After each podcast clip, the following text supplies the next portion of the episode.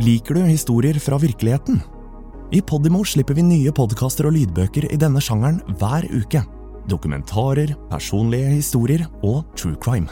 I denne spillelisten kan du høre et utvalg av våre mest populære titler. Podimo. Podkast og lydbøker i én og samme app. Gjenklang.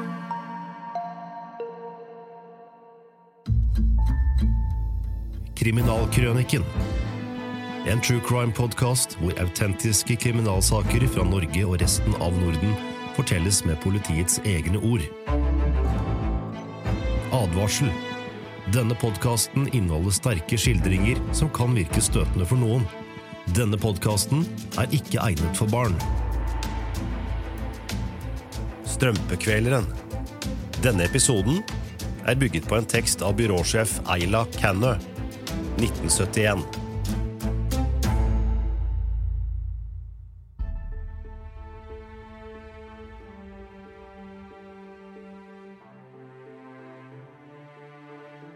Den finske provinsbyen Eksvik var lammet av skrekk. En ung jente var funnet kvalt med sin egen strømpe. En hadde knapt kommet seg etter dette første sjokket før et nytt offer møtte den samme skjebne. Hvem var kveleren, og hva var motivet? Det var en hard nøtt å knekke, men iherdig politiarbeid førte til at gjerningsmannen ble tatt til slutt.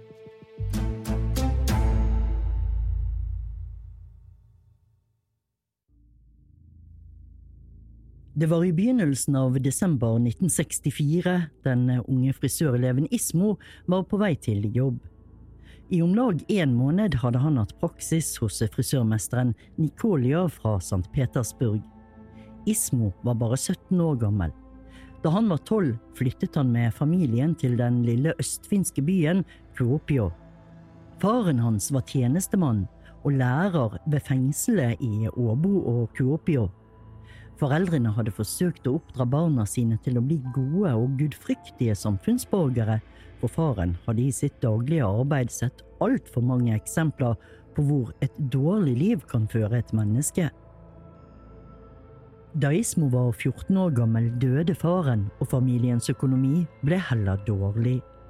Ismo avsluttet skolegangen sin i Kuopio. I skoletiden hadde han truffet en kar som het Repe, og de to ble uatskillelige kamerater. Repe var kvikk og livlig, mens Ismo var stillferdig og blyg. Ismo gikk ett år på yrkesskole, men mureryrket passet ikke for ham. Han trivdes mye bedre i frisøryrket, og han kunne godt tenke seg å bli i det faget. Da han kom på arbeid denne desemberdagen, var det en opprørt stemning blant kollegene hans. Tina, en 26 år gammel konsulent, var funnet myrdet i leiligheten sin. Liket var funnet i sengen, dekket av sengetøy. Hun hadde ligget død i lengre tid da hun ble funnet. Gardinen i rommet var trukket for, blomsterpottene lå på gulvet, og alt tydet på at mordet var seksuelt motivert. Morderen hadde knyttet to strømper rundt offerets hals, og det var de eneste klesplaggene hun var iført. Det grusomme drapet vakte stor oppstandelse i byen, ikke bare på Ismos arbeidsplass. En slik hendelse skapte frykt hos alle i den lille byen.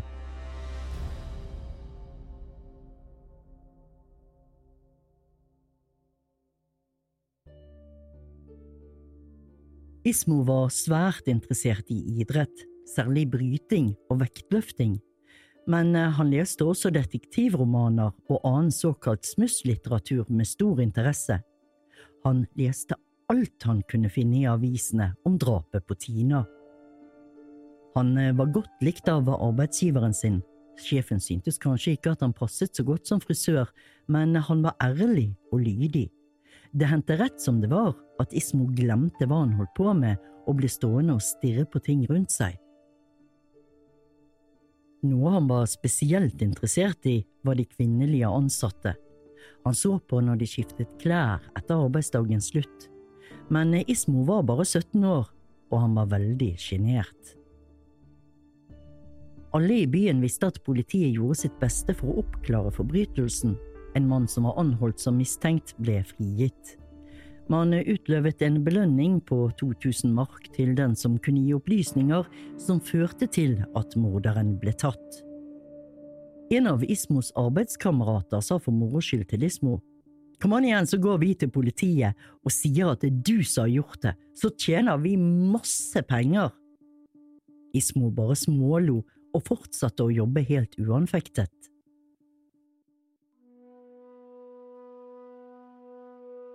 Repe var også frisørlærling, og han hadde drevet på et år lenger enn Ismo. Han interesserte seg også for bryting og vektløfting, og de to pleide å trene sammen i byens idrettshall. Ismo var svært sterk. Han hadde vunnet en del premier, men Repe syntes at kameraten var for stille og sjenert av seg. Det hendte at han syntes Ismo oppførte seg merkelig. En kveld de var på brytetrening, ville for eksempel ikke Ismo komme inn på matten. Han skiftet ikke engang til treningsklær, men plutselig grep han en treningsdukke av lær og klemte til rundt halsen på den med alle krefter. Han ba Repe om å komme og se på det han gjorde. Repe og Ismo snakket ofte om mordet på Tina. Repe hadde kjent henne så vidt, og han hadde en gang vært på fest hos henne sammen med noen kamerater. Det ble danset og drukket hele kvelden, men det så ikke ut til at Tina var interessert i noen av guttene. Hun var forsiktig med alkohol, og virket heller ikke interessert i å danse. Repe glemte igjen sigarettene sine hos henne og hentet de igjen dagen etter. Senere traff Repe en av guttene som hadde vært på festen hos Tina. Han sa at en del av brennevinet guttene hadde hatt med seg, fremdeles sto hos henne. Repe fant ut at han skulle hente drikkesakene og tok Ismo med seg. Ismo sa ikke et ord under hele besøket, han holdt seg hele tiden i bakgrunnen. Repe kjente altså Tina, og Ismo hadde i alle fall sett henne én gang. Det var derfor de var så interessert i drapet på henne. Ismo mente at morderen måtte være en ganske utspekulert type. Han visste også at nylonstrømper var laget av et ganske sterkt materiale, man kunne til og med henge en mann i dem hvis man tvinnet dem hardt. En gang senere, da de diskuterte mordet, festet de seg ved det merkelige faktum at Tina hadde ligget i sengen med føttene på puten. Ismo la fram en teori om at mordet hadde skjedd på gulvet.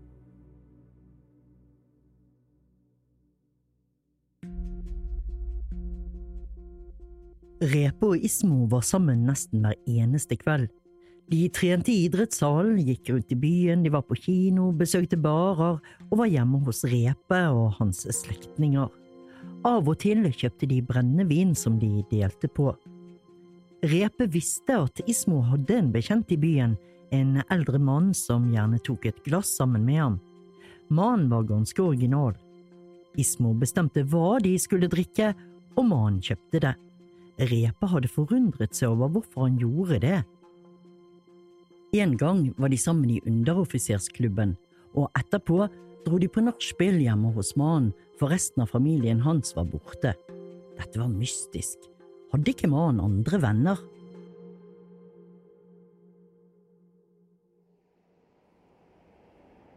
Livet i byen gledet tilbake til det gamle. Man begynte å glemme det sensasjonelle mordet på Tina. Det var jo allerede én måned siden det skjedde. Jul var over, og man hadde tatt fatt på et nytt år. Repe lurte på hva politiet egentlig drev på med. Han syntes ikke at de hadde kommet noen vei, og mente at han kunne gi dem noen tips. Nyttårshelgen var lang i 1965. Nyttårsaften var på en torsdag, og den 3. januar var en søndag. Ved 16-tiden kom Ismo hjem til Repe, og de to guttene gikk ut i byen. Ismo fortalte at han hadde en flaske brennevin hos mannen som pleide å kjøpe alkohol til han, og nå foreslo han at de to skulle dra og hente den. Kameratene gikk til mannens lager og fant ut at det var låst med to hengelåser. Ved hjelp av en tollekniv og en tang som de for sikkerhets skyld hadde tatt med seg, klarte de å åpne døren til lageret. Guttene tok med seg brennevinsflasken og gikk mot kirkegården. De drakk opp spriten på veien, og flasken var tom idet de passerte porten til kirkegården. Så gikk de til en bar. Der drakk de en lagerøl hver. De spankulerte rundt i byen, stakk innom et par kinoer og gikk til slutt hjem til Repe. Broren hans og den 17 år gamle søsteren Rita var hjemme. Rita lå på sengen og leste i en bok og guttene satte seg ned på sofaen og i den andre sengen. De røkte en sigarett, og Rita ba Repe om 30 penny slik at hun kunne gå ned på baren og kjøpe seg et glass saft. Pengene, en 20- og en 10-pennymynt, la Rita ved siden av seg på sengen. Etterpå gikk guttene. Repe hadde foreslått at de skulle gå bort til tanten hans og se på TV. Det var bare et lite stykke unna, og guttene var framme etter bare fem minutter. I trappen sa Ismo at han måtte treffe svigerinnen sin først. Repe gikk inn til tanten, og da han hadde vært der i en 20 minutters tid, kom Ismo tilbake og sa at han hadde tatt seg en tur ned på torget. Han satte seg like innenfor døren og så på TV sammen med dem. Omtrent ti minutter senere ringte telefonen. Repe svarte, og han ble bedt om å skynde seg hjem, for det hadde skjedd noe fryktelig.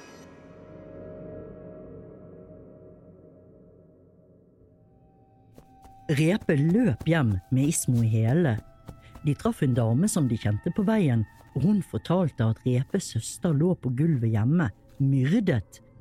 Noen ropte En strømpe om halsen! Igjen! Det var fullstendig kaos på stedet. Alle som strømmet til, snakket i munnen på hverandre. Kvinnene skrek, noen var nesten hysteriske. Politiet som var tilkalt, hadde hendene fulle med å beskytte åstedet så de kunne få orden på tingene og begynne etterforskningen. Den eneste som opptrådde rolig, var Ismo. Han vek ikke fra Repes side. Repe derimot virket rasende. Han slo knyttneven i bordet og ropte. Hadde jeg hatt morderen her, så skulle jeg ha gitt han inn! Ismo dro hjem. På bussen traff han moren sin. Hun begynte å spørre han ut om den myrdede var Repes søster, som han jo kjente, og om hva det var som egentlig hadde skjedd. Ismo satt fordypet i sine egne tanker under hele turen, han ba moren sin om ikke å snakke så høyt.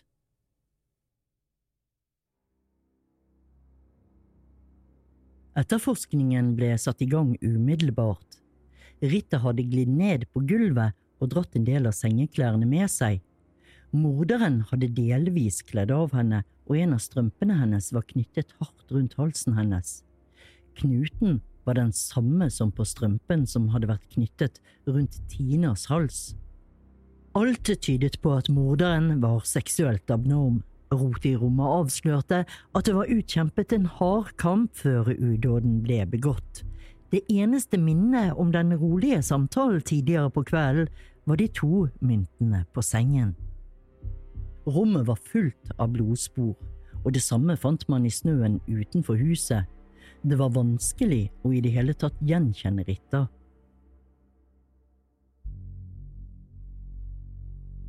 Avhørene kom raskt i gang, og det tok ikke lang tid før politiet rettet søkelyset mot Ismo. Han og Repe var de siste som hadde sett Ritta i live, så hadde Repe gått over til tanten sin, mens Ismo hadde vært lenge nok borte til å rekke å myrde Ritta. Ingen andre enn Ismo hadde vært å se i området på det aktuelle tidspunktet. Politiet arbeidet raskt. Den 4. januar 1965 ble avhørene av Ismo innledet. Alle klærne han hadde hatt på seg dagen før, ble sendt til politilaboratoriet for undersøkelse. Det samme gjaldt alt han hadde i lommene og prøver av det han hadde under neglene. Ismos kropp ble nøye undersøkt, og man fant merker som tydet på at han var blitt bitt. Avhøreren spurte Ismo om han hadde hørt om kveleren fra Boston. Ismo svarte at han hadde lest om han og diskutert ham med Repe. Den første dagen med avhør kom han ikke særlig langt men politiet var overbevist om at de hadde fått den riktige fisken i garnet. De var sikre på at denne rolige gutten var skyldig i mordene på både Tina og Rytta.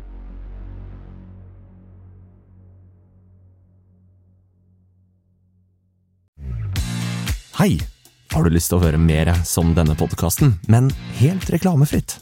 Da vil jeg anbefale deg å laste ned Podimo-appen for en gratis prøveperiode. Ikke bare finner du kvalitetspodkaster innen alle sjangere, men også flere av de mest populære lydbøkene. Alt sammen i Podimo-appen. Et par dager senere tilsto Ismo og begynte å fortelle hva det var som hadde hendt. Den 5. desember hadde han gått for å treffe Repe, men eh, fikk vite at han var bortreist. Da han ikke fikk tak i kameraten, gikk han ut på byen. Han besøkte en kafé, og han fortsatte å spasere rundt omkring. Han visste ikke helt hva han skulle ta seg til. Plutselig fikk han den ideen at han skulle besøke Tina. Klokken var halv ni, og hun kom ut iført en blå arbeidsfrakk. Da Ismo så Tina foran seg, kjente han en intens lyst til å myrde henne. Uten å stenge døren etter seg, gikk han på henne. Han tok kvelertak med begge hendene rundt halsen hennes, og hun sank i gulvet. Først nå stengte han døren. Han rev av henne arbeidsfrakken så knappene føk. Han rev av henne resten av klærne og løftet henne opp på sengen. Så kledde han av seg selv. Da det hele var over, følte han seg vidunderlig tilfreds. Han gikk for å vaske hendene og fant da klærne hennes på kanten av badekaret. Han tok strømpene hennes og la de rundt halsen hennes. Han knyttet et par dobbeltknuter, dro de enda en gang rundt halsen og knyttet nok et par knuter. Først nå trakk han for gardinene. En blomst som satt fast i gardinstangen, falt i gulvet. Etter å ha kledd på seg igjen, spiste han opp en kakebit som lå på et fat på bordet, drakk et glass vann og fjernet alle fingeravtrykk. Så dekket han over Tinas kropp og plukket opp knappene som han la i en eske på skapet. Han dro ut kontakten til bordlampen og forsvant stille ut uten å bli sett av noen.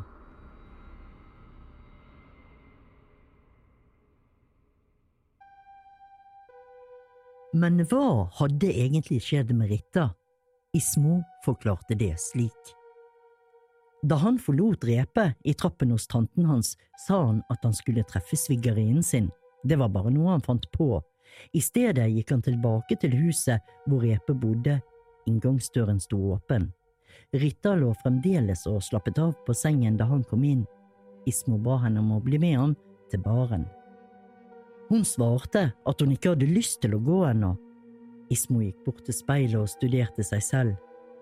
Bildet han så, tilhørte et fryktelig uhyre. Han syntes han så døden selv. Han mistet beherskelsen. Han følte at han måtte ta livet av både Ritta og seg selv.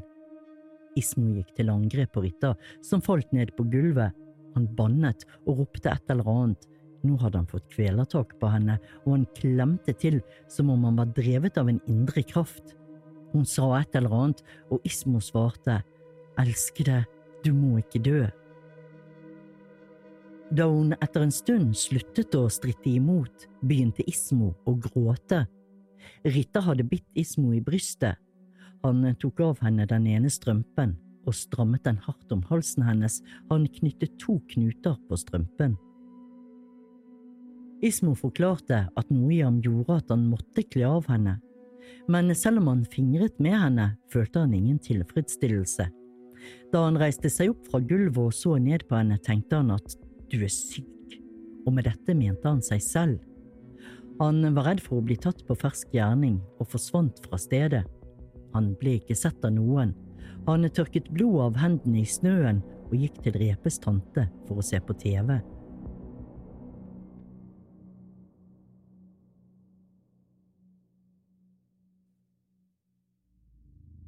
Det var ingen tvil om at Ismo hadde rett.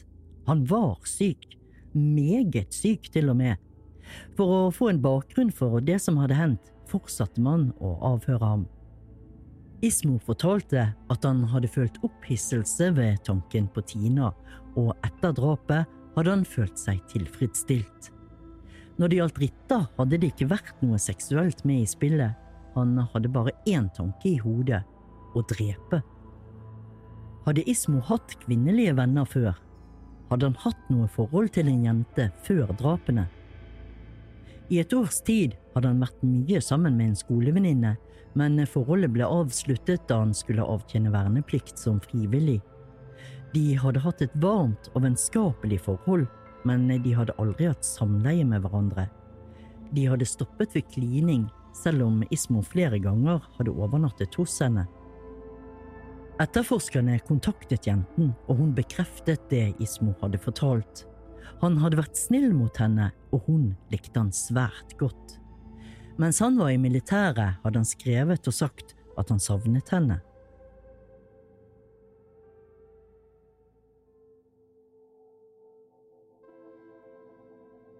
En sommer hadde Ismo arbeidet som hjelpegutt på en båt. Der traff han en kvinne som var mye eldre enn han, og det var hun som ga han hans første leksjon på det seksuelle området. Kvinnen ble avhørt, og hun fortalte at Ismo hadde alle forutsetninger for et normalt seksualliv. Da han ble spurt om han likte å gå til sengs med kvinner, svarte han, Hvem er det nå som ikke gjør det? Så var det den eldre mannen som kjøpte brennevin til Ismo og som var en del sammen med han ellers. Ismo hadde fortalt om han til Repe. Mannen var maler og homofil. Han hadde ofte budt Ismo på brennevin for deretter å bedrive utukt med ham. Ismo fortalte at han ikke hadde følt noe spesielt ved akten, og at han hadde latt maleren drive på med sitt. Han fikk jo en dram innimellom, dessuten var det fint brennevin. Maleren benektet alt, men til slutt ga han opp og tilsto, og det stemte det Ismo hadde fortalt. Ismo hadde mareritt. Han våknet ofte av at han drømte at han var i vanskeligheter. Det kunne være at han var innestengt i huler og ikke kunne komme ut, eller at han ble trukket ned i gjørme. Han så ofte kvinner i drømmene. De forsøkte å hjelpe han, men når han forsøkte å nå dem, forsvant de. Han drømte om kirkegårder og skjeletter. Alle unntatt ham selv var skjeletter. En gang drømte han at han klatret opp i et uendelig høyt tårn. Da han kom opp, så han at hans eget spøkelse forsøkte å gripe fatt i ham. Han hoppet ned fra tårnet, men ble seile rundt i luften.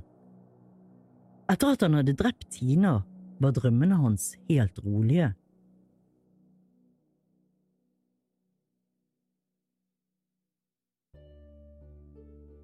Mens han satt fengslet, forsøkte Ismo å begå selvmord. Han blokkerte celledøren og forsøkte å folde ned sengebenet over sin egen nakke. Ismo sa at han ville forenes med Tina og Ritta, og selvfølgelig med Gud. Han mente at alt ville bli bedre om de ikke hadde stoppet han. Da etterforskerne spurte om hvorfor han ikke hadde meldt seg til politiet etter mordet på Tina da han selv visste at han var syk, svarte han at han var klar over at han var to adskilte personer, den som drev sport og arbeidet, og den som iblant ble forandret til et monster. Han mente dessuten at det ikke ville lønne seg å tilstå, for som han sa på den andre siden, må alle svare for sine gjerninger for den allmektige. Ismos historie er tragisk. Tragisk for ham selv, for familien hans, for hans ofre og deres familier, ja, for hele samfunnet. Hvorfor myrdet Ismo? Han kunne ikke besvare spørsmålet selv, han likte jo jenter, og hadde likt begge de to han myrdet.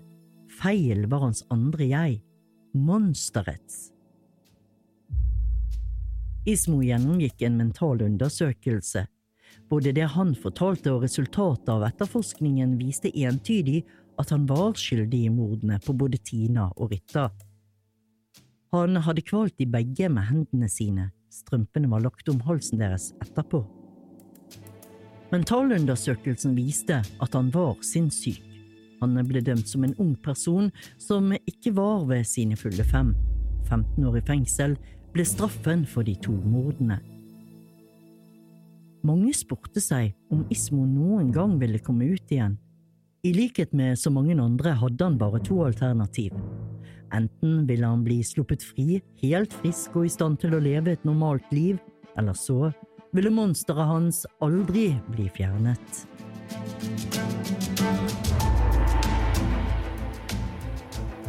Du har hørt Strømpekveleren. Denne episoden er bygget på en tekst av byråsjef Eila Kannø. Forteller Marianne Moe. Produsenter Marianne Moe og Sam Roman.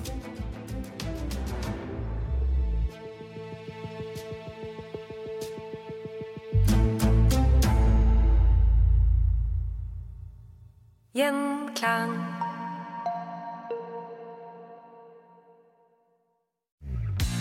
Likte du denne episoden? Så del den, da vel. Fortell en venn hva du hører på, og gi følelsen av god lytting i gave til noen du bryr deg om.